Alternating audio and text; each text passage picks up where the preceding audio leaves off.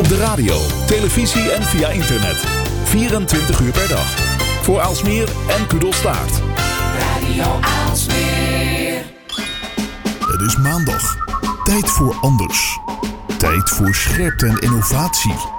Tijd voor blikopende radio. Met Wilg en Lennart. Welkom bij de 78ste aflevering van Blikopener Radio. Mijn naam is Lennart Bader en vandaag hebben we te gast Ilias Nasrullah. Ilias heeft een achtergrond in eh, AI, AI, eh, Artificial Intelligence dus, en eh, tech bij grote bedrijven. En hij heeft nu een rol bij de gemeente Rotterdam in de zogenaamde AI-coalitie. Vanuit deze rol beschouwt hij digitalisering en de impact ervan op de samenleving. Hij ziet een rol voor zichzelf om de maatschappij daar goed over te informeren. En zijn artikel in uh, De Trouw heet ook uh, Digitaal onderwijs is echt iets heel anders.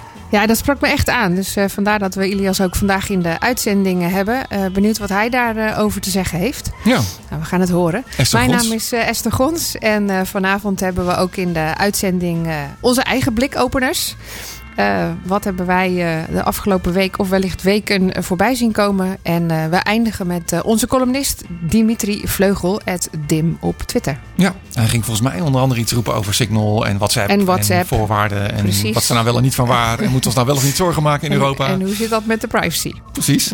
Nou, eigenlijk genoeg reden om te blijven luisteren. ben je nog niet geabonneerd op de podcast? Nou, zoek dan gewoon op Blikopener Radio in iTunes of Spotify. Of ga naar de website blikopener.radio. En als je suggesties hebt voor toffe gasten. Of uh, onderwerpen. Of onderwerpen. We houden ons van harte aanbevolen. Uh, laat het weten via een e-mailtje op post.blikopener.radio. Nou, goedenavond uh, Ilias. Goedenavond Esther. We zeiden, al, uh, we zeiden het al, een hele hoop uh, met AI en technologie. Maar uh, Ilias, wie ben jij en wat doe jij? Nou, ik ben dus Ilias Nassoura, 34 jaar.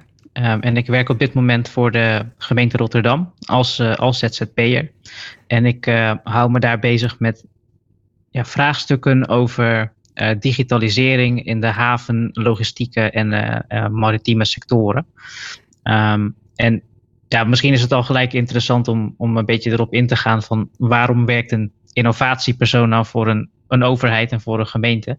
Um, ja, want dat, dat, is misschien ook leuk om even een stapje terug te doen. Jij komt ook echt, jouw achtergrond is ook echt vanuit technologie en innovatie. Klopt, klopt. Ja, ik heb, uh, ik heb aan de TU Delft gestudeerd. Ik heb daar uh, informatica gedaan uh, als bachelor. En ik heb een master gedaan in ja, een studie die Media and Knowledge Engineering heet. Tegenwoordig hebben ze het hernoemd naar Data Science. Ik denk omdat dat qua marketing wat, wat meer aansluit op de, op de hype-termen van vandaag. Ja. Um, maar de studie, um, ik, ik, noem het eigenlijk meer de studie digitalisering. Uh, wat daar naar voren kwam was uh, data science, machine learning, maar ook uh, user experience engineering en mens-machine mens interactie. Um, ja, multimedia technieken en, en dat soort vraagstukken. Alles wat de laatste tien jaar best populair is geworden op IT-vlak, dat is wat ik toevallig ook gestudeerd had. Dus daarom noem ik het de studie digitalisering. Ja, met waarschijnlijk ook de reden dat je het bent gaan studeren. Uh, klopt, maar weet je, in die tijd um, dacht ik van het is leuk om iets toegepast te doen. Uh, en, en dit leek op, op een soort van toegepaste informatica, maar dan wel academisch. Uh, ja, misschien weet je wel hoe dat gaat als je jong bent, dan kies je gewoon iets wat interessant lijkt. En toevallig bleek het de goede keuze te zijn. Dus um, weet je wat er interessant was in die tijd? Was, uh, werd er ook heel veel onderzoek gedaan naar, naar VR en AR. En hoe je dan bijvoorbeeld virtual reality overleggen kan hebben. Zodat het lijkt alsof we allemaal aan dezelfde tafel zitten. Um, en ja, dat is eigenlijk een fase die we helemaal hebben overgeslagen met, uh, met Zoom en, en, Teams en Skype en al dat soort uh, zaken. We, we, overleggen gewoon. Ja. En we hoeven niet met elkaar aan een tafel te zitten. nee, true. Wel met hooguit met een, een, een palmbomen achtergrond of zo. Oh ja, ja. Of uh, vanuit de ruimte, dat soort dingen. Ja, ja. precies. precies. Maar, maar, goed, maar vanuit die achtergrond ben je ook echt bij, bij bedrijven gaan werken om die digitalisering in gang te zetten. Hè, om ze te helpen innoveren, dat soort dingen. Uh, dus die stap vind ik dan wel weer interessant. Hoe ben je vanuit dat bedrijfsleven, waar je echt digitaliseringstrajecten hebt gedaan, innovatietrajecten, nou bij de gemeente terechtgekomen? Want dat, dat zie je dan niet ja. vaak. Ja, ik, ik denk dat het goed is om, om een beetje die reis ook toe te lichten. Ik ben zelf in de start-up wereld begonnen. Um, en uh, eerst als programmeur bij een, uh, bij een hardware security bedrijf in Delft, uh, Riscure. En ehm, eh, mijn rol veranderde daar eh, na een paar jaar in ehm, ja, meer software development, manage, eh, software development manager en product manager-achtige rol. waar ik me veel meer ging bezighouden met ja, wat betekent strategische productontwikkeling nou? wat, wat moet je op de markt zetten? Hoe valideer je een product? Um, hoe ontwikkel je het ook op een, op een slimme en efficiënte manier? en vanuit dat werk uh, ben ik, uh, werd ik mentor voor startups uh, bij plekken als, als Rockstart en andere accelerators. En daar kwam ik eigenlijk voor het eerst echt um, in aanraking met problemen waar je meer dan alleen een innovatieve mindset nodig hebt. Dus als je kijkt naar bijvoorbeeld innovatie in, in de zorg of in de energiesector, dat zijn gereguleerde sectoren. En als je als nieuwe partij daar, uh, daar iets disruptiefs in wilt doen, dan wordt er eigenlijk door de markt gezegd, nou liever niet. Nee. En de vraag is dus op een gegeven moment van nou, hoe, hoe kan je dan um, wel de broodnodige innovaties um, realiseren binnen zo'n ecosysteem. En de eerste stap die ik daar heb gezet is eigenlijk om, uh, om voor grotere partijen te gaan werken. Dus ik heb bijvoorbeeld ook voor Eneco gewerkt. Ik noemde net energie. Um, en daar ging ik me ook met het, met het digitale innovatievraagstuk bezighouden. Um, en wat ik binnen Eneco zag op een gegeven moment is van ja, zelfs, zelfs binnen een corporate partij loop je eigenlijk tegen limieten aan van, uh, van wat zo'n organisatie kan doen. Het heeft een hele belangrijke rol in het, uh, in het energie-ecosysteem. Uh, maar niet de belangrijkste rol. Die ligt toch bij de overheid. En zo kwam, de, kwam ik dus eigenlijk op de vraag van ja, hoe kan je nou um, bepaalde innovaties realiseren? En dan was mijn antwoord, je moet dan toch uh, ook naar de overheid kijken. En dat is denk ik een partij die vaak niet genoemd wordt in combinatie met innovatie. Um, dus dat maakte het ook voor mij extra interessant. Van, um, ja, misschien ook wel voor de luisteraar interessant, want wij hebben daar natuurlijk discussies over gehad. Hè. De, uh, nou ja, Ilias noemde net Rockstart. Uh, ja. Dat is waar ik Ilias ook van ken. Uh, maar, maar waarom vind jij dat de overheid een rol, zo'n belangrijke rol speelt in innovatie? En is het niet een beetje vecht tegen de bierkaart um, of zo in eerste instantie? Ja. Voor je gevoel dan ook. En, en zelfs voor commerciële bedrijven dus, zeg je eigenlijk, is, is, is de overheid de sleutel? Ja, ik, ik, ik, moet zeggen, ik heb een uh, boek gelezen wat ik ook uh, jullie luisteraars van harte kan aanbevelen. Dat heet um, The Entrepreneurial State van uh, Mariana Mazzucato. En dat heeft ook bij mij heel erg mijn denken veranderd over de overheid. Ik, ik, ja, misschien ga ik heel filosofisch worden hoor, maar als je ook kijkt naar een beetje onze, naar, naar onze politiek landschap, hè, dat is ja, vrij neoliberaal, om het zo te zeggen. En er is heel lang een cultuur geweest van de overheid die moet zijn, die moet zijn handen van, van innovaties afhouden eigenlijk. En zoveel mogelijk aan het bedrijfsleven overlaten. En wat, wat Matsukato eigenlijk beargumenteert is dat als je naar succesvolle innovaties in het verleden kijkt, uh, grote uh, uh, systeemveranderingen, dan zijn ze eigenlijk teweeggebracht door de overheid. Die heeft daar het meest in geïnvesteerd. En dat laat ze dan zien bijvoorbeeld met de ontwikkeling van het internet in Amerika en, ja. en wat daar allemaal bij kwam kijken en aan andere ontwikkelingen. Um, zelfs Tesla, hè, dat is een, een bedrijf wat natuurlijk heel goed doet, maar heel veel subsidies heeft gehad om, om van de grond te komen. Dus ook, ook de elektrische, elektrische auto is, uh, is een ontwikkeling die niet van de grond gekomen zou zijn zonder uh, overheidsinvesteringen. En de vraag is denk ik dus van um, welke rol moet een overheid nou precies spelen? Als het compleet hands-off is, um, dan lopen dingen ook vast. Uh, maar je kan je natuurlijk niet op de, op de plek van de ondernemer gaan neerzetten als overheid. Dat is ook niet goed. En die balans uh, proberen te vinden, ja, dat is een uitdaging. Um, ook omdat dat ook voor de overheid zelf uh, een, een, nieuwe rol is, wat het zichzelf probeert aan te meten. maar ik denk dat het helpt dat mensen die ervaring hebben, zoals ik, vanuit het bedrijfsleven, vanuit start-ups en corporates, ja, daar, daarover meedenken en, en dat proberen te helpen vormgeven. Maar is, is er dan een grote uh, subsidiepot als het ware? En uh, bepalen jullie van, oké, deze bedrijven, hè, dit commerciële bedrijf gaat met deze innovaties aan de slag? Of? Ja, zo zou het niet moeten gaan. En zo gaat het gelukkig ook niet. Ik, want dan, dan krijg je ook meer dat, uh, dat picking winners effect. Hè? Ja. Um, maar volgens mij is het voor een overheid en voor een samenleving veel belangrijker om na te denken van waar, wat zijn de trends? Waar bewegen we heen? Dus om een voorbeeld te noemen van de discussies die, uh, die, die, uh, die nu plaatsvinden in verschillende lokale overheden. Dat is, uh, nou, hoe ga je om met iets als, als Airbnb bijvoorbeeld? Nou, dat was dan nog pre-corona natuurlijk. Maar um, wat je. En, en die discussie is nu vooral in, in de termen van we hebben er last van en hoe reguleer je dat? Maar wat je eigenlijk wil is uh, voorspellen van wat voor soort diensten uh, gaan er aankomen en hoe kunnen we daarop inspelen. En dat is, dat is denk ik wat de rol van een overheid daarin moet zijn. Van hoe, ja, uh, hoe bereid je je voor op de innovaties die komen gaan en hoe creëer je een klimaat waarin dat waarin die innovaties gerealiseerd kunnen worden, zonder dat, ja, zonder dat je de negatieve effecten daarvan krijgt. Ik denk dat, dat deze discussie zullen jullie vast ook gehad hebben, als het gaat over social media en het effect van, van hè, dat, dat volledig aan de markt overlaten. En dat zien we nu ja. um, in Amerika en, en met, met Twitter en Parler en weet ik het wat allemaal. dat gaat toch de verkeerde kant op. Ja, ja, daar hadden we vorige week uitgebreid onze uitzending over, inderdaad. Nou ja, precies. Uh, toevallig. Ja. En, en dat is natuurlijk ook wat jij zegt. Hè. Die, het is eigenlijk een systeemverandering en daar moet je als overheid een bepaalde rol in spelen. Uh, is dat ook wat je doet nu specifiek? Bij, want je zegt, ik zit dan in de Nederlandse AI-coalitie. Uh, of is dat niet ja. per se vanuit de, de overheid? Uh, nou, dat is denk ik meer iets wat ik zelf gewoon heel erg interessant vind. En ik denk ook dat dat een rol is die, die een overheid zou moeten willen spelen. Maar als we het over de Nederlandse AI-coalitie specifiek hebben.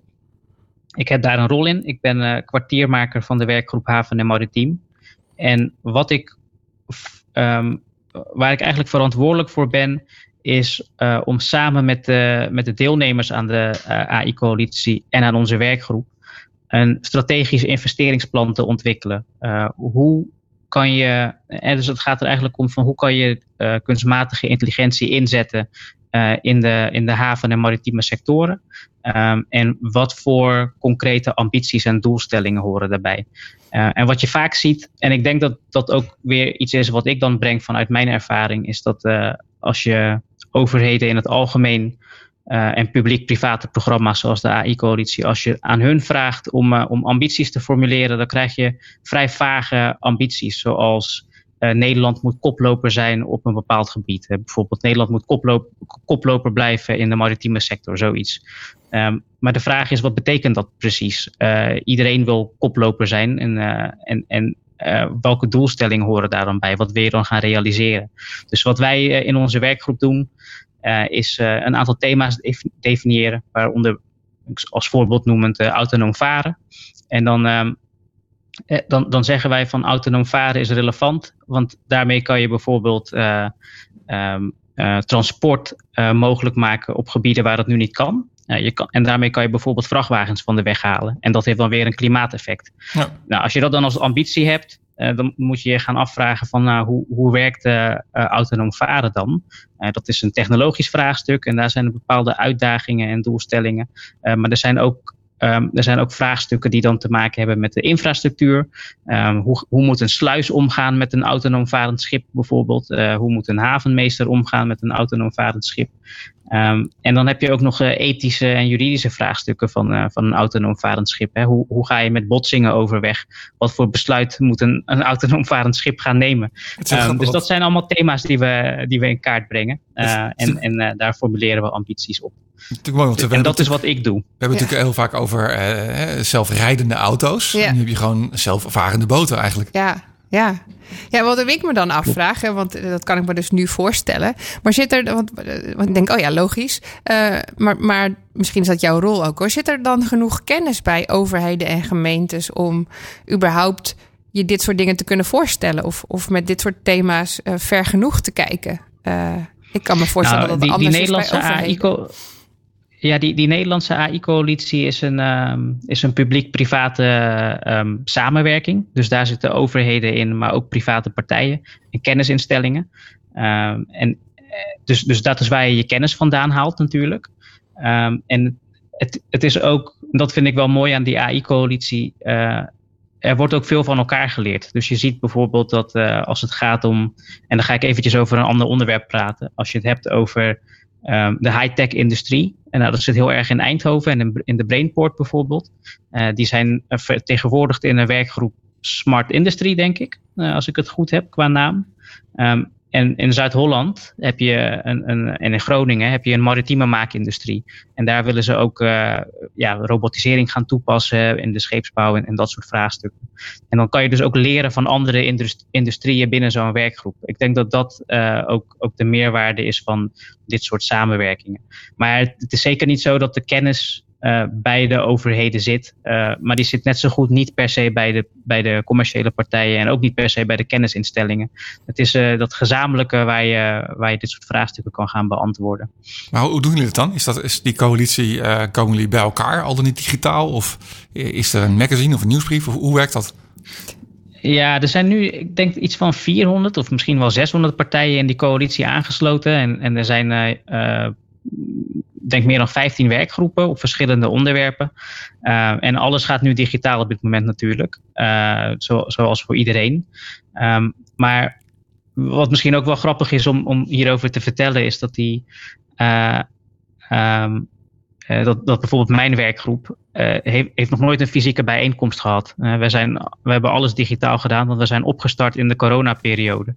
Ja. en wat ik daar wel grappig aan vind, is dat je, dat je dus met uh, alleen digitale overleggen toch, toch uh, productief kan zijn. En niet zo, misschien niet, uh, dus het heeft niet alleen maar voordelen. Je wordt er niet altijd blij van, van overleggen achter je computerscherm.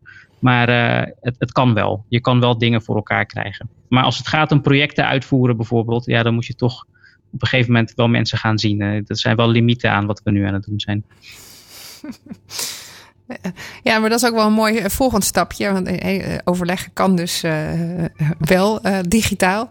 Um, waarom je eigenlijk uitgenodigd heeft, omdat ik een, een, artikel van je las. Hè, dus in het trouw onlangs over. Um, uh, over educatie eigenlijk, hè? Uh, kunnen we zeggen. Met een mooie titel. Um, nou, het heeft eigenlijk een titel en een ondertitel, maar ik vond de titel heel mooi. Digitaal onderwijs is echt iets anders. En daar trok je ook een, een behoorlijke conclusie over digitaal onderwijs. Um, maar eerst even, waarom, waarom wilde je dat heel graag schrijven? Waarom vind jij per se dat je daar een, een mening of een, of een visie over moet hebben?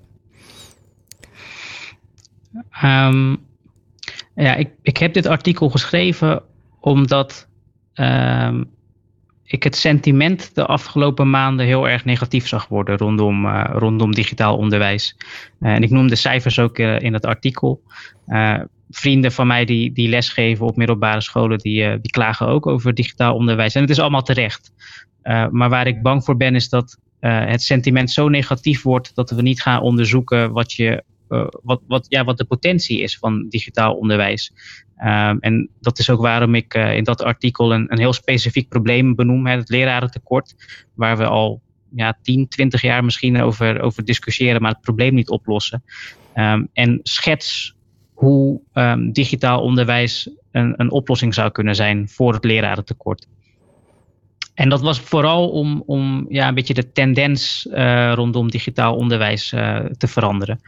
Um, als je mij vraagt van waarom moet ik daar per se een mening over hebben, ja, dat hoeft niet. Ik moet ook zeggen dat dit, dat dit uh, kritiek is wat ik heb gehad van, uh, van bepaalde mensen die uh, in het onderwijs actief zijn. Die zeggen van nou, het is weer zo'n business idee brenger. en die, en die heeft geen verstand van onderwijs en, en die komt ons even vertellen hoe het moet. Dat, dat is een beetje, een beetje de boodschap. Um, maar ja, het is zo gewoon een publiek debat en, en ik denk dat iedereen daar iets aan mag bijdragen maar wat ik, wat ik wel denk is dat mijn specifieke expertise, hè, wat ik heb gezien vanuit, uh, vanuit overheden, vanuit uh, grotere bedrijven, vanuit uh, start-ups, um, dat geeft toch wel een, een, een, een beeld van dat, dat weinig mensen echt goed weten wat digitalisering is en kan zijn. En dat is waarom ik een, een, een verhaal daarover wilde schrijven in, in de context van, van het onderwijs. Um, je kan ook. Uh,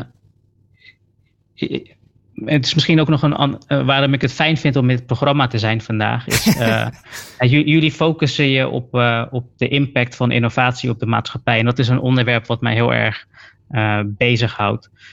als we het over kunstmatige intelligentie hebben, dan, dan zie je dat.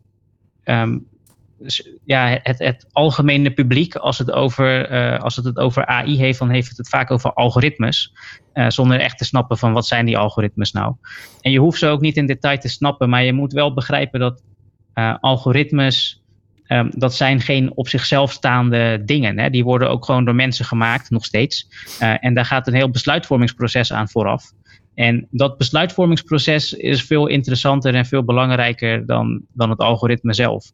Um, ik, ik, noem een voorbeeld. Um, een paar weken terug kwam, uh, was er een artikel over uh, Stanford en hun, hun academische universiteit. En wat, wat daar eigenlijk gebeurd was, is dat zij een algoritme hadden ingezet om te bepalen wie als eerst een vaccinatie moest krijgen van hun, uh, binnen hun uh, staf, dus van hun medewerkers. En, um, Lekker praktisch. ja, heel praktisch inderdaad. Ja, ja. Uh, en ik denk dat het over 5000, 5000 medewerkers ging, zoiets. En um, uiteindelijk kwam het, het, algoritme tot de conclusie dat um, mensen die geen vaste standplaats hebben, uh, de laagste prioriteit hebben als het gaat om, uh, om vaccinaties. Dus dat gaat over, over co-assistenten en dat soort, uh, dat soort mensen. terwijl als je daarover nadenkt, um, ja, mensen die geen vaste standplaats hebben, die verplaatsen zich. Ja, ja. dat dus, was mijn conclusie. die bewegen heel um, dus, veel. Dus, je zou denken prioriteit precies, nummer één. precies, precies.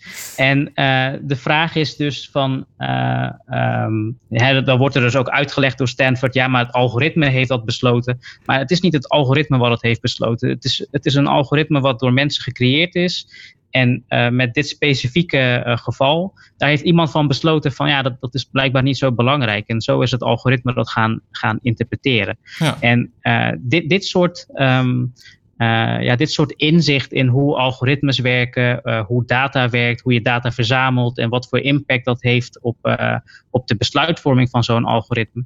Dat zijn denk ik onderwerpen die, die iedereen kan snappen. Het is vaak vrij, vrij intuïtief wel. En uh, het, het verdient het om uitgelegd te worden. En het zijn niet. Uh, je, je, gaat die uitleg niet krijgen van uh, politici en je gaat die uitleg ook niet krijgen van, van, van de meeste bedrijven. Hè. Het zijn toch mensen die ja, um, daar iets over willen vertellen, zoals ik, die dat dan moeten vertellen. ja, nee, zeker. Ja, dus wat is eigenlijk de praktische impact van al die nieuwe technologie op wat wij daadwerkelijk daaraan meemaken? En als je daar een mening over wil hebben, moet je het eigenlijk ook snappen. Ja, Precies, ja. precies. Ja. En ik denk dat, uh, dat digitalisering, dat wordt zo'n groot onderwerp in, al, in, allerlei, in alle deelonderwerpen van de digitalisering. En als je gewoon kijkt naar, ja, we zijn een democratische samenleving. Um, die ontwikkelingen, uh, daar wil je invloed hebben, op hebben als burger, maar je moet het wel snappen. En er is ook een belang om, om het mensen niet te laten snappen, want dan kan je gewoon doen wat je wil natuurlijk. Dus in die zin ben ik ook een, een ja, ik schop soms tegen het zere been van, uh, van een aantal mensen, omdat ik, uh, uh, omdat ik ja, graag wel dingen uitleg en expliciet maak en transparant maak. En ja. Maar ja. terug naar onderwijs, hè? je zegt het is, het is echt, echt iets anders. wat is er anders aan? Wat is de kern? Nou, ik, zal, zal, ik heel eerlijk zijn, ik heb de titel niet gekozen. Hè, dus Oké. Okay, uh, dat, was, dat was de redactie van Trouw. Ja. Nee, maar dus, alle gekheid op een stokje. Um, ik, wat ik bedoelde te zeggen is, digitaal onderwijs is echt iets anders dan je onderwijs online plaatsen. Want dat is eigenlijk wat er nu is gebeurd in heel veel gevallen. Hè. Er, ja. er, wordt, uh, er wordt gewoon lesgegeven door docenten alsof ze voor de klas staan, maar dat, dat zijn ze niet. Ze staan niet voor de klas. Um, en dat, dat zorgt ervoor dat je uh, um, de problemen die je ziet, die hebben te maken met motivatie van leerlingen. Um, het heeft te maken met uh, ja, gebrekkige internetverbindingen. Er zijn, er zijn een hele hoop dingen die genoemd worden rondom wat er misgaat met digitaal onderwijs nu. En wat ik probeer te zeggen is dat heeft ermee te maken dat je uh, middelen inzet uh, in een proces die daar niet voor uh, bedoeld was. Ja, je, gebruikt, ja. je gebruikt je, je, je Zoom call, je Teams meeting. Oh. om een klas na te bootsen. Maar dat is niet waar, waar het voor bedoeld was. En hoe zou je het wel moeten doen? Nou, dat is een, dat is een vraag. Ik, ik heb een suggestie gedaan in het artikel. Hè? Dus uh, ik zeg van uh, je zou je zou uh, ervoor kunnen kiezen dat docenten niet meer uh, hoofdverantwoordelijk zijn voor het uitleggen van de stof. Je zou dat soort materiaal in, in videoformat bijvoorbeeld online kunnen plaatsen. Dat zouden uitgeverijen kunnen doen, maar je zou dat ook open source kunnen maken zelfs, uh, dat soort materiaal. Um, en dan kan je meer tijd overhouden voor de, voor de individuele begeleiding van docenten aan leerlingen. Dat zou een aanpak kunnen zijn. Uh, waarmee je uh, tijd, tijd van docenten en leerlingen op een andere manier gaat inzetten. Ja, um, ja. En dat is, dat is echt iets anders dan wat we nu aan het doen zijn. Ja, dus, dus wat je eigenlijk zegt is, um, wat we nu doen met de technologie die we hebben, is het één op één overzetten van het, het schoolsysteem dat we hadden naar hop digitaal. Ja. Terwijl we er eigenlijk heel anders naar moeten kijken. Wat zijn nu de mogelijkheden met digitaal en, en wat moet je juist wel en niet inzetten om daar beter onderwijs van te krijgen? Precies, precies. Ja, dus je, je moet gewoon het systeem opnieuw uh, nieuw gaan evalueren. En ik denk dat het ook wel een, een, praktische analogie was wat ik in het artikel gaf hè, over uh, de elektrische auto. Um, als je, uh, en Tesla rijdt je niet naar een benzinepomp, schrijf ik daar. en um, op, op dezelfde manier wil je ook geen tentamens naar de slaapkamer van iemand brengen. Hè? Dus ja. je, je, moet gewoon even opnieuw gaan nadenken hoe het werkt. En um, met de elektrische auto zie je eigenlijk ook iets wat ik denk dat er heel weinig mensen doorhebben hoe revolutionair het is. Dat als je een, uh, een, een laadstation of een laadpaal uh, thuis hebt, uh, dat is. Stel dat je een benzinepomp voor de deur zou plaatsen. Ja. Hè, dat, dat is, dat, dat is een beetje de analogie. Ja. Het is, ja. ja. dat kan je niet voorstellen. Dat, dat het zo revolutionair is eigenlijk. Um, maar het is eigenlijk ook zo logisch dat je, dat je dit doet. Dat niemand er vragen bij stelt. En ik denk dat er ook, ook hele logische um, uh, manieren zijn om, om digitale middelen in te zetten voor het onderwijs. Um, dat he, het idee van um, videomateriaal maken bijvoorbeeld en dat online plaatsen, ja, dat is er al natuurlijk. Als je gewoon op YouTube zoekt, zijn er genoeg uh, uh, leraren die, die getal en ruimte voor, voor 4, 4 VWO aan het uitleggen zijn of zoiets. Ja, en leerlingen maken er waarschijnlijk van, al heel veel gebruik van. Want uh, ik weet nog dat mijn kinderen gewoon vol in de YouTube zaten vlak voor de, de examens. Om, om al die uh, hippe leraren op te zoeken die het wel goed uitlegden via korte precies, video's. Precies. Het is ook wel grappig trouwens, hè, dat je nu eigenlijk gewoon uh, hierdoor, wat jij zegt, hè, die, die, die hippe leraren die het wel goed uitleggen. Hè, je hebt opeens keus. Je zit niet meer vast aan de leraar die je nou eenmaal toegewezen hebt gekregen op je school. Dat is een interessant gegeven ook. En, en wat jij dan Klopt. noemt ook nog een keer met lerarentekort. Hè, als je dan toch het daarover hebt. Ja, dan zou je inderdaad ook gewoon um, uh, op die manier zeg maar uh, stof door een bepaald iemand kunnen laten maken. Waardoor je minder leraren nodig hebt eigenlijk. Ja, ja je, kan het heel, je kan het opeens anders gaan inzetten allemaal. maken of ja. zo. Ja. Ja. Klopt. En, en kijk, we moeten het ook niet te simpel maken. Hè? Want uh, uh, je, je, kan je ook voorstellen dat uh, je hebt nog steeds praktijkvakken en daarvoor gaat zoiets nooit werken. Dan heb je gewoon de ervaring nodig. Ja. Um, dus dat is ook waarom ik in het artikel zeg van ja, je, je moet dit gaan verkennen en je moet ermee gaan experimenteren. Um, en, en dan gaan we ontdekken waar het, voor welke vakken het wel werkt en voor welke niet. Maar ook voor welke leerlingen het wel werkt en voor welke leerlingen niet. Uh, wat de rol van docenten kan zijn. Uh, het is ook niet mijn, mijn, mijn bedoeling om te zeggen dat de meeste docenten slecht lesgeven of iets dergelijks. Hè. Dat, is, dat is het absoluut niet. Nee. Um, maar um, je, je, je, je zou voordeel kunnen hebben van uh, op een hele andere manier naar het onderwijs kijken. Dat is het punt wat ik maak. En um, ik denk dat dit punt ook gewoon te weinig naar voren gebracht wordt. En dat is waarom ik het artikel schreef. Ja, ja dat er te veel ouders en leraren nu vermoeid zijn omdat ze het oude schoolsysteem in een digitale omgeving volgen, maar dat we het eigenlijk helemaal niet zo moeten zien. Het is een nieuw systeem, we moeten het opnieuw verkennen. Precies, precies. Maar wat je en, net... uh, ja, en, en daar, daar zit ook geen schuld in van, uh, van de docenten of iets dergelijks. Ja, je wordt overrompeld door een situatie, dus je, gaat, je begint gewoon. Uh, maar ik denk dat het goed is om gewoon volgende stappen te gaan zetten in, hierin. Want je zei ook al van, uh, inderdaad, je wordt overrompeld door de situatie. Het gaat allemaal heel snel. Uh, hè, met dat, dat mythe dat je uh, aangaf van, nou, we vroeger dachten nog van, ja, je moet eigenlijk elkaar om een soort virtuele tafel heen zien. Hè, dat je dat op die manier mythe. Nou, dat, dat blijkt helemaal niet te hoeven.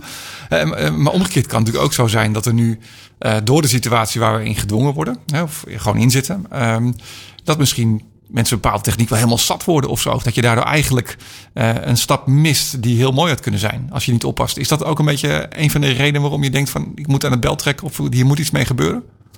Ja, van als mensen eh, aan iets wennen, zeg maar, wat niet optimaal is, dat je dan denkt van ja, maar die, het werkt dus niet.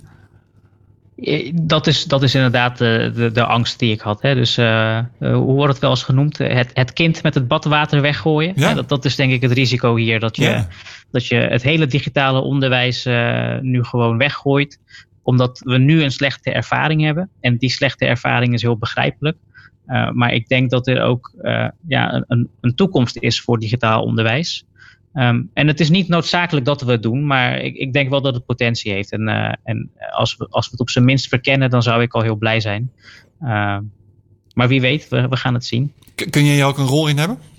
Gewoon praktisch gezien, zeg maar. Is dit iets wat, eh, net als dat je die AI-coalitie hebt, zijn er werkgroepen eh, voor onderwijs? Of is, is er misschien een werkgroep binnen die AI-coalitie? Of zijn het echt totaal losstaande Ja, er is, een, er is een werkgroep eh, onderwijs binnen de AI-coalitie. Eh, en die zijn ook recent begonnen, moet ik zeggen. Dus ik, ik heb nog niet helemaal helder gezien wat, wat voor ambities en doelstellingen zij hebben geformuleerd. Ehm, maar ik kan, me, ik kan me ook niet goed voorstellen dat zij het heel anders zien dan, dan dat ik het zie. Ik denk dat de meeste mensen met een, met een meer eh, technologieachtergrond, eh, die ook ervaring hebben in het implementeren binnen, binnen bestaande processen, of het nou businessprocessen zijn of, of, of, of andere soortige processen, ehm, dat zij zien van ja, eh, je kan techniek gewoon één op één inzetten in een, eh, in een bestaande omgeving, dat is gewoon niet zo slim. Eh, je, je, maakt dan niet gebruik van de kracht van de technologie. Eh, en vaak kom je juist de zwaktes van de technologie tegen. Dus je moet er gewoon op een andere manier ehm, over gaan nadenken. Ja. Ehm, Ja, en dan komt er eh, Ja, dus niet alleen technologie, maar ik denk ook eh, mensen weer bij kijken. Want eh, zo kun je je ook gaan diversificeren als, dat zie ik dan weer, als, als leerkracht. Want ik zie nu heel veel leerkrachten die zeggen, nou, ik ben heel goed met YouTube-filmpjes. Hè. Er kwam bijvoorbeeld voorbij in, het, in het nieuws dat er een, een biologieleraar is die heel populair aan het worden is. Bio met Klopper, die heeft dan een Insta-account met filmpjes, maar die, die heeft een smartboard in zijn schuur gezet. Eh, in zijn, hij heeft zo'n zo'n zo'n hutje in zijn schuur, twee bij twee, eh, onverwarmd. Maar daar staat hij voor het smartboard staat hij uit te leggen. Want dat is zijn ding. Daar is hij goed in. Hij vindt dat filmpjes opnemen leuk. En als er ook maar iemand op zijn Insta vraagt of het nou wel of niet zijn leerling is. Meester, ik snap dit niet. Dan gaat hij naar zijn schuurtje.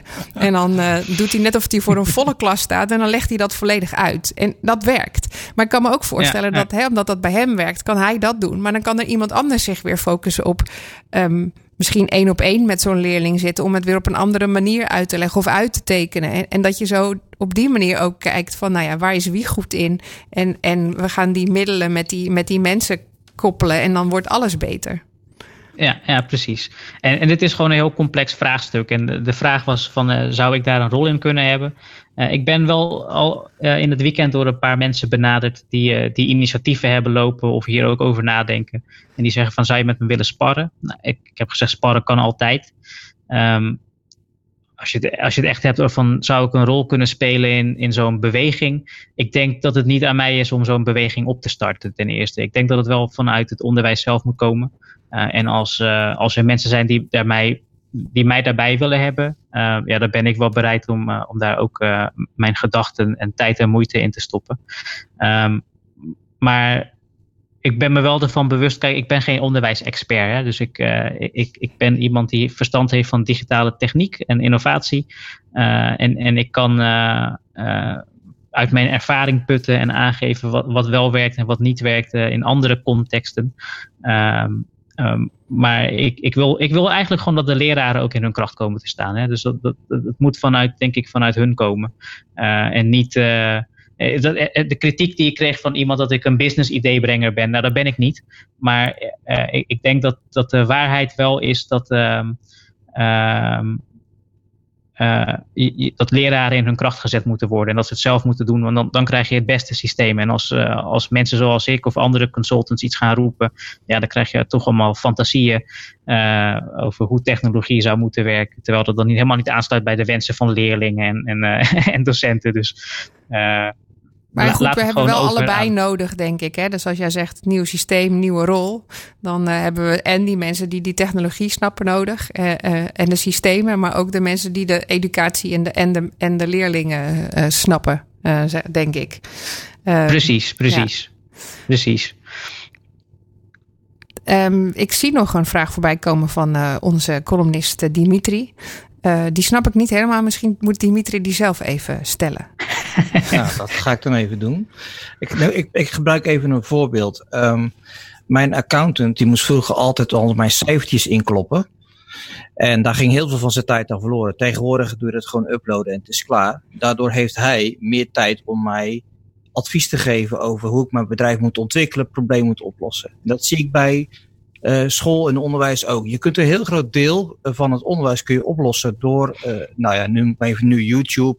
Kinderen weten tegenwoordig heel goed zelf als ze informatie kunnen halen. Dat is eigenlijk heel positief, omdat, je als leraar, als onderwijzer, je meer kunt concentreren op de mens of het kind zelf. En dan denk ik, als je aan elke leraar vraagt wat hij het liefste doet, is een kind of een leerling of whatever zien ontwikkelen naar een hoger niveau. En dat is niet per se zeggen dat 1 plus 1 2 is, maar misschien uitleggen waarom 1 plus 1 2 is. Of hè, wat, dat zie ik als een van de grote voordelen van digitale uh, onderwijs. Ja, eens, uh, eens Dimitri. Ik, uh, ik, ik, denk dat er, um, dat er echt heel veel potentie is als je meer tijd kan vrijmaken voor die individuele begeleiding. en, en um, docenten de ruimte geeft om, uh, ja, om met leerlingen te verkennen wat, ja, wat, wat hun issues zijn uh, met, bepaalde, met bepaalde vraagstukken. Um, ik denk ook dat. Um, je, je, hebt ook twee, denk ik, risico's. Uh, Esther beschreef net zo'n zo gepassioneerde biologiedocent. Bio met klopper, um, en, volgens zijn Insta. Bio met, bio met klopper, hè. en, uh, en, en die... Um, dat, dat zou best een inspiratie kunnen zijn voor veel mensen. Maar met, als, je, als je heel veel digitale middelen gaat inzetten, als je vooral video's gaat inzetten, en, dan, dan mis je toch ook wel dat, ja, dat, dat menselijke contact. En uh, ik denk dat iedereen wel eens een docent heeft gehad, minstens één docent heeft gehad, die jou echt heeft geïnspireerd, waarvan je dacht van nou wauw, hè, fijn dat ik uh, les van, van die persoon heb gehad. En uh, je, raakt, je hebt ook het risico dat je dat kwijtraakt.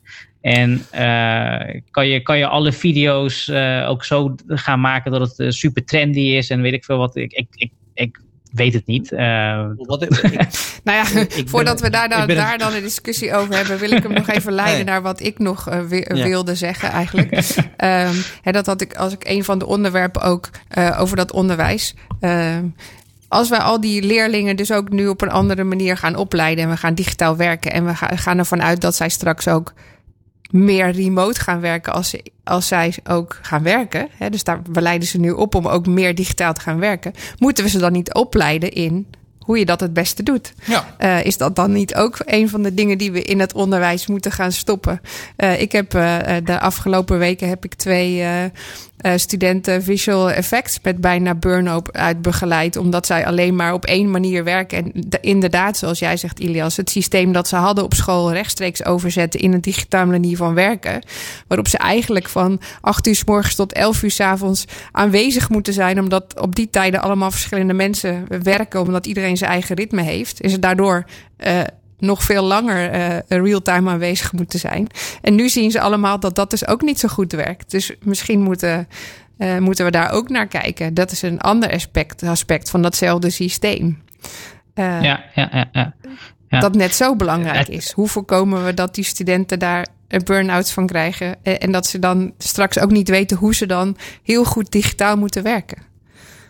En ja, hoe... ja nou, ik denk denk dat het zeker een punt is. Ik, maar volgens mij uh, is dat misschien ook weer een ander vraagstuk. Hè, van wat voor uh, vaardigheden moet je de, de, ja, de kinderen van nu bijbrengen om, uh, om in de toekomst ja, gewoon gelukkig te zijn, leuk werk te kunnen doen, et cetera. Um, dat is ook iets wat trouwens uh, onduidelijk is, uh, als je het mij vraagt. We zijn, um, uh, om terug te komen op die, op die AI-coalitie, Um, we hebben ook een werkgroep Human Capital. Um, binnen, binnen mijn werkgroep Haven en Maritiem kijken we ook naar het, uh, het Human Capital vraagstuk. Uh, ja, en een, een, van de dingen die naar voren komt, van wat zijn nou de, de, ja, de, de, de future work skills, wordt dat wel eens genoemd. En, en dan zie je dat er heel vaak digitalisering genoemd wordt door het bedrijfsleven, door overheden, door, uh, door uh, onderwijsinstellingen. Um, maar als je vraagt van maar welke uh, digital skills gaan mensen dan nodig hebben, dan, dan eh, krijg je daar eigenlijk nooit een, een duidelijk antwoord op. Ehm, dus dat is ook gewoon iets wat we nog moeten gaan onderzoeken. Er wordt vaak genoemd van ja, we hebben we hebben data-analysten nodig. Um, of mensen die met data kunnen werken. Maar ja, dat, dat, je hebt zoveel type mensen die met data kunnen werken. Hè. Dus wat, heb je nou exact nodig? En uh, als we dat nu zeggen, is het over 15 jaar dan niet weer anders. Hè. Dus dat, dat zijn allemaal van dat soort vraagstukken die, uh, die, die meespelen in, uh, in een snel veranderende samenleving. ja, nou goed, we moeten het nog onderzoeken. Laten we daar als boodschap meegeven. Het is een ander systeem. We moeten er anders mee omgaan. Dat moeten we onderzoeken. Dankjewel, uh, Ilias, voor je bijdrage deze avond. Ja, bedankt, Esther. En uh, Lennart. Hè? Ja. ja, nee, zeker. Bedankt, Lennart. Mooi. nee, sowieso goed. Uh, blikopener radio. En natuurlijk ook met uh, ja, de dingen die ons afgelopen tijd opvielen, Esther. Ja, ik wil beginnen met wat jou opviel eigenlijk. wat mij opviel? Ja, ik vond hem wel leuk. Want we hadden een themaatje zeebodem in elkaar gedraaid. Ja, dat klopt. nee, het, het, is al even geleden inmiddels. Maar het, het kwam op een of andere manier, nou, volgens mij begin van het jaar ergens in een tijdlijntje terug. dat Microsoft heeft tests gedaan met uh, een datacentrum op de zeebodem. En dat klinkt een beetje tegenstrijdig natuurlijk, hè? dat je uh, servers en stroom en, en apparaten zeg maar onder, uh, onder de zeespiegel zou brengen. Iets met elektriciteit en water. Ja, ja nou, en, en, en, om helemaal bij het begin te beginnen, datacentrum, hè, wat is dat nou? Ja, dat is eigenlijk de ruggengraat van het internet. Hè, daar zijn heel veel uh, servers hè, waar websites op draaien of andere online diensten op draaien. En zorgen voor verbindingen hè, tussen allerlei gebieden en zorgen dat, dat het internet zeg maar kan bestaan. Um, er zijn heel veel datacentra, ook hier in de omgeving. Hè, in de omgeving van, van Amsterdam, Aalsmeer. Uh, nou, als paddenstoelen uit de lucht zou je bijna zeggen. Uh, maar die dingen die vreten ontzettend veel energie. Hè, dus die, uh, die, die apparatuur die daarin staat, die heeft natuurlijk stroom nodig. Dat is alsof je een heleboel computers in je huis zou zetten. Nou, dan zie je ook de teller behoorlijk oplopen. maar die dingen worden ook warm. Dus die, die computers hebben, nou, uh, die moeten rekenen en dat kost energie. En een deel van die energie wordt omgezet in warmte. Uh, dus zijn er ook heel veel kosten voor koeling. En dat is misschien wel de grote kostenpost in zo'n uh, in zo'n datacentrum. Hè, stroomkosten eigenlijk. Um, ja, dus als de temperatuur onder water, ja, die is koud, hij is heel constant en het is gratis.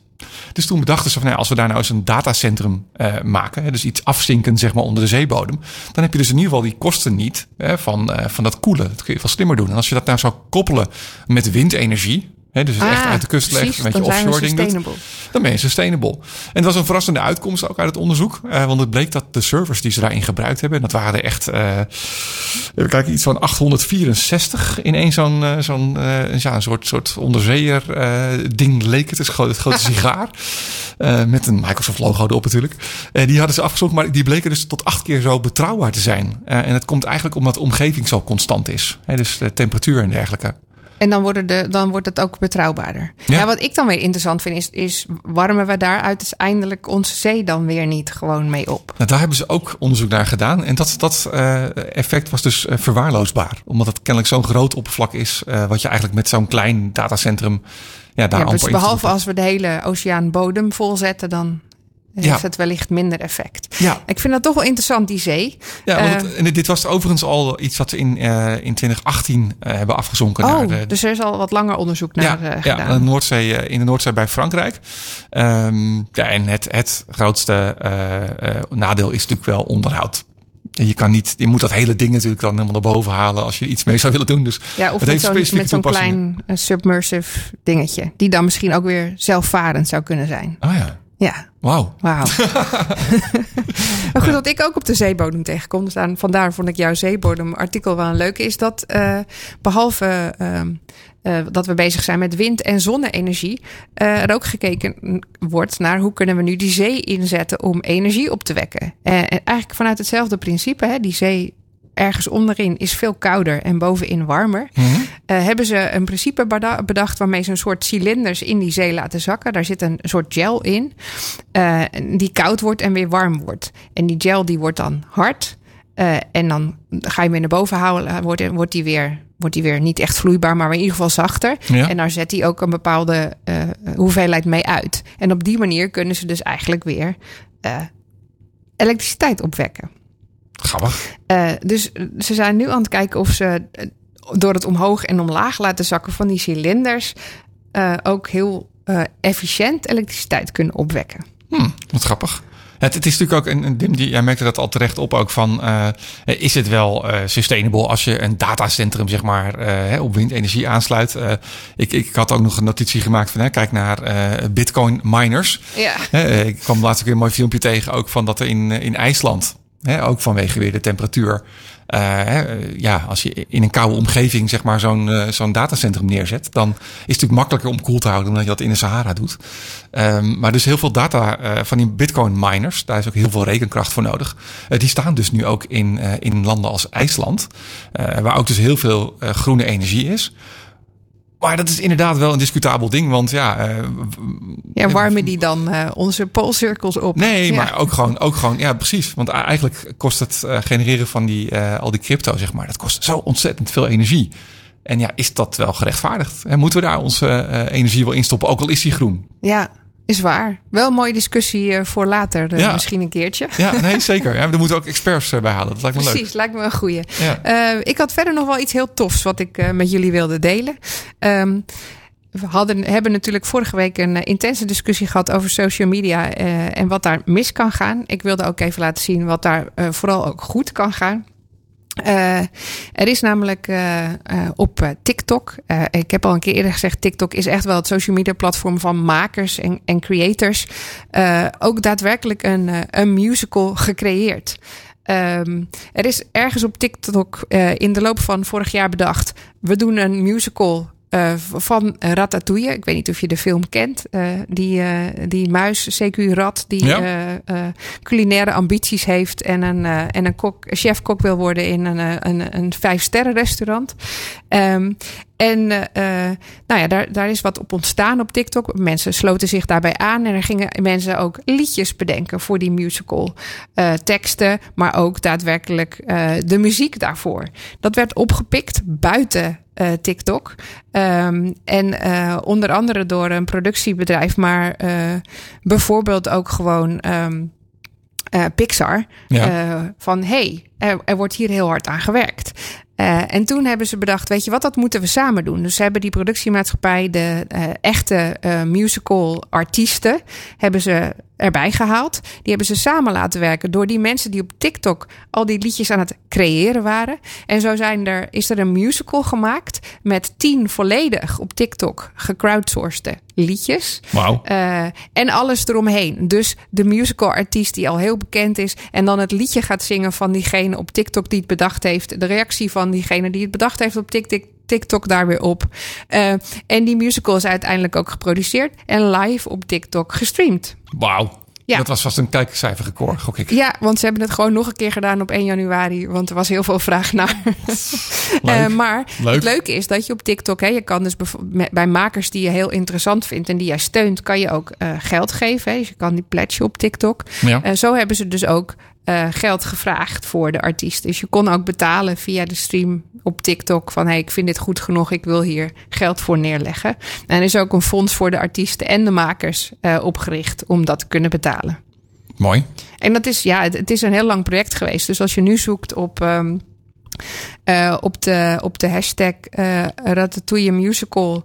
ehm, of kijkt rat, Ratatouille Sequel Musical op, op TikTok. Dus at Ratatouille Sequel Musical op TikTok. Dan, dan kun je het, het hele eh, verhaal zien. En, en alle filmpjes die er omheen gecreëerd zijn. Er, zijn. is ook een soort van online rode loper gedaan. Met interviews met de artiesten en de makers. Het, het was één groot spektakel.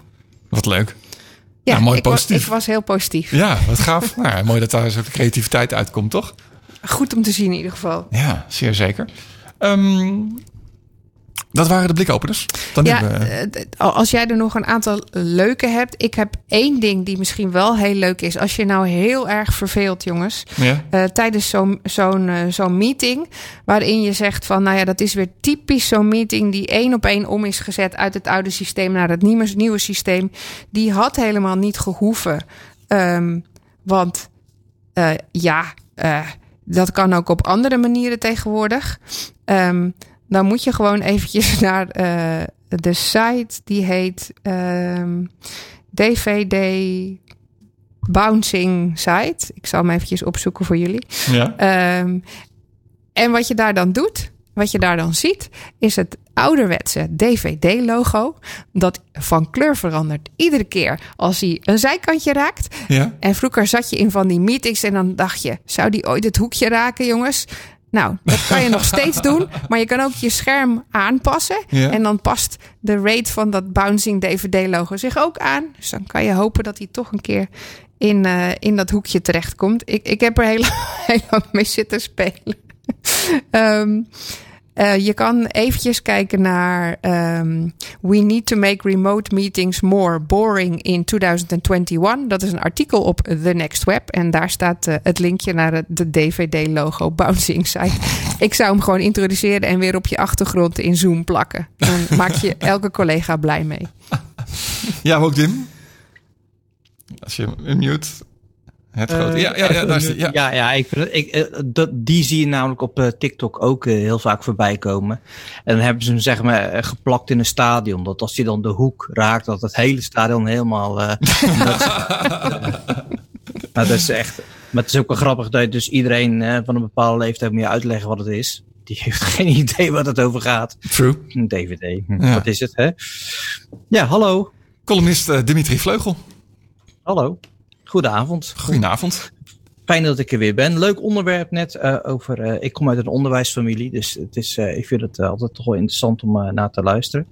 Ehm, eh, dus sorry dat ik even inbrak, maar ik vond, ik, ik vond dat ik een hele goede vraag had. Dus ik weet niet of ik een Welkom, punt heb welkom. gescoord of punten aftrek krijg. Een vlaggetje van de meester. ah, je, je- nee, een stickertje kreeg ik altijd. Stickertje. Ah, oké. stickertje ik reken het goed. Ja, ehm, ik wil met jullie deze week hebben over, eh, over eh, een van mijn favoriete onderwerpen. Dat zijn messengers. ehm, over WhatsApp. WhatsApp heeft bekendgemaakt dat ze de privacyregels gaan, gaan eh, updaten. En die moet je, daar moet je akkoord op gaan. En als je dat niet doet, dan zou je geen gebruik meer kunnen maken van WhatsApp. Ehm, dat, is een, dat is behoorlijke eh rel geworden, want iedereen eh, schoot helemaal in de stress.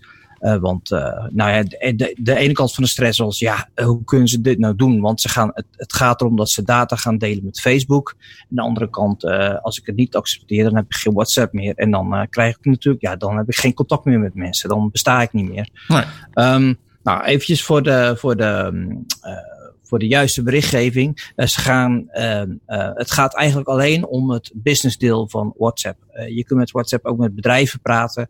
En dat gedeelte van die gesprekken, dat wordt wel allemaal geregistreerd. Net als jij belt met een, met een, callcenter, krijg je vaak ook een berichtje te horen van deze calls worden opgenomen ten einde van trainingsdoeleinden. Ja. Trainings slash marketingdoeleinden. Dus dat stukje uh, heeft eigenlijk niks te maken met wat jij bespreekt met je vader, moeder, vriendin, uh, kinderen. ze hebben ook nog eens een keer benadrukt dat ze de chats ook niet lezen. Um, dat, ze die, uh, dat ze dat niet gebruiken, want het is van end-to-end -end encrypt. Dus uh, WhatsApp zelf kan die berichten niet lezen. Staat, er zou natuurlijk heel veel interessante informatie in staan, maar het wordt niet gelezen. Maar wat ik wel grappig, air quotes, vond, is de hele paniek die er ontstond van mensen die op Facebook zag vooral, die gelijk riepen van ja, maar ze verplichten mij om dit en dat. Ja, in Nederland is het, in Europa is het sowieso geen probleem, omdat uh, we hebben hele mooie regels, GDPR, waardoor mensen, uh, een bedrijf ons helemaal niet kan verplichten die data te delen. Daar moet je echt consent voor geven. Um, um, en ten tweede, wat ik net zeg, het gaat eigenlijk om het uh, hele business stuk. En dan is het eigenlijk helemaal niet zo'n raar verzoek. Um, en, maar als weer een hele. En op zich ook, ja? uh, ik bedoel, hè, ja, Facebook heeft er uh, belachelijk veel geld voor betaald ooit voor WhatsApp. Dus het, WhatsApp. Dus het is ook niet zo Nou, raar dat ze het ergens zullen monetizen, zou ik zeggen. Nou, toch? ja, nou, nou, ik heb jaren geleden is bij Social Media Day in Rotterdam, ik weet niet hoe het heet eigenlijk, heb ik eens een, een presentatie gehouden van ja, WhatsApp doet het helemaal verkeerd, want ze hebben geen verdienmodel. En ik vind als je geen verdienmodel hebt, dan, dan gaat het fout. En we zien het nu ook een beetje fout gaan. Um, ze hadden al veel eerder met bedrijven aan de slag moeten gaan. Dat ja. doen ze nu ook allemaal op advertentieniveau. Um, daar, daar, ga ik, daar ga ik nu een beetje heen. Um, um, uh, uh, WhatsApp is nu een beetje in onmin geraakt. Dat gebeurde in 2014 ook al toen ze overgenomen werden door, uh, door uh, Facebook. Alleen niemand zette het toen door. Maar we zien nu wel, ik weet niet of jullie Telegram gebruiken, dat je bijvoorbeeld elke dag nieuwe mensen op Telegram erbij krijgt. Ja, dus dat is een berichtje. Signal en Telegram zie ik dan. Dat Signal, er heel veel ja, mensen... ja, Signal, Signal bestaat ook al jaren. Elon Musk heeft gezegd, jongens, gebruik WhatsApp niet meer, gebruik niet Signal. Nou ja, Kedeng, iedereen naar Signal toe. Uh, mensen gingen ook uh, investeren in de verkeerde aandelen uh, Signal. Die hadden een ander bedrijf voor verward. Signal is best interessant. Signal is een, is een non-profit organisatie. Waar Brian Acton, een van de bedenkers van WhatsApp, is daar een, is daar een van de, de, de found, nou niet de founders, maar een van de mensen achter. Die heeft daar 50 miljoen eigen geld ingestopt. Um, maar wat wel grappig is, dat het bedrijf achter Signal, Whisper Systems, is weer het bedrijf wat de end-to-end encryptie heeft gemaakt, die op WhatsApp wordt gebruikt. Dus eigenlijk is het allemaal niet zo heel erg apart. Um, maar wat wel apart is van het Signal is dat het een, non-profit organisatie is. Je kunt ook doneren aan de app.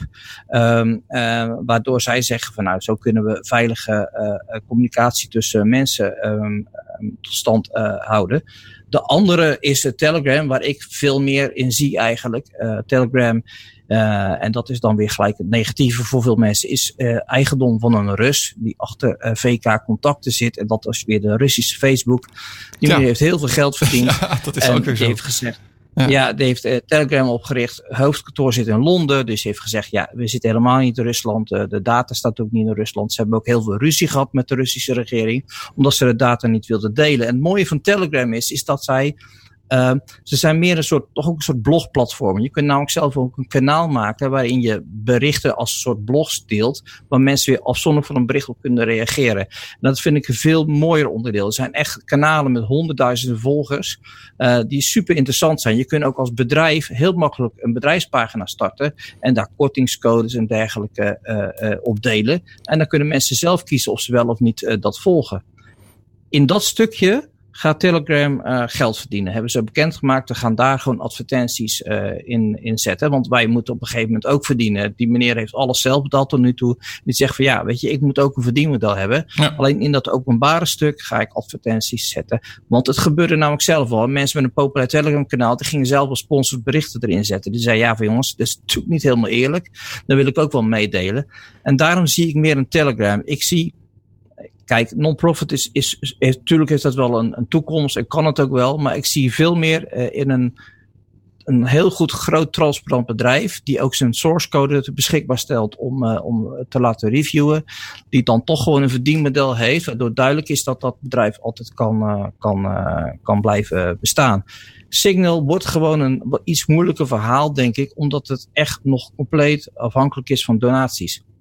En je weet, ik bedoel, als de hele wereld zou bestaan uit Nederlanders, dan zou je sowieso nooit iets geven. Maar het is heel moeilijk om zo'n organisatie te laten meeschalen. Dat zag je ook wel, want er waren zoveel aanmeldingen op de server, dat er gewoon anderhalve dag lang niet mogelijk was om berichten naar elkaar te sturen. Dus ja, um, ja kinderziektes nog wel. Ja, ja deze, deze strijd is dus nog niet over, maar ik zie wel dat er nu wel een verschuiving komt dat mensen nu meerdere uh, messenger accounts op hun, uh, op hun toestel hebben. En dat vind ik een hele toffe ontwikkeling.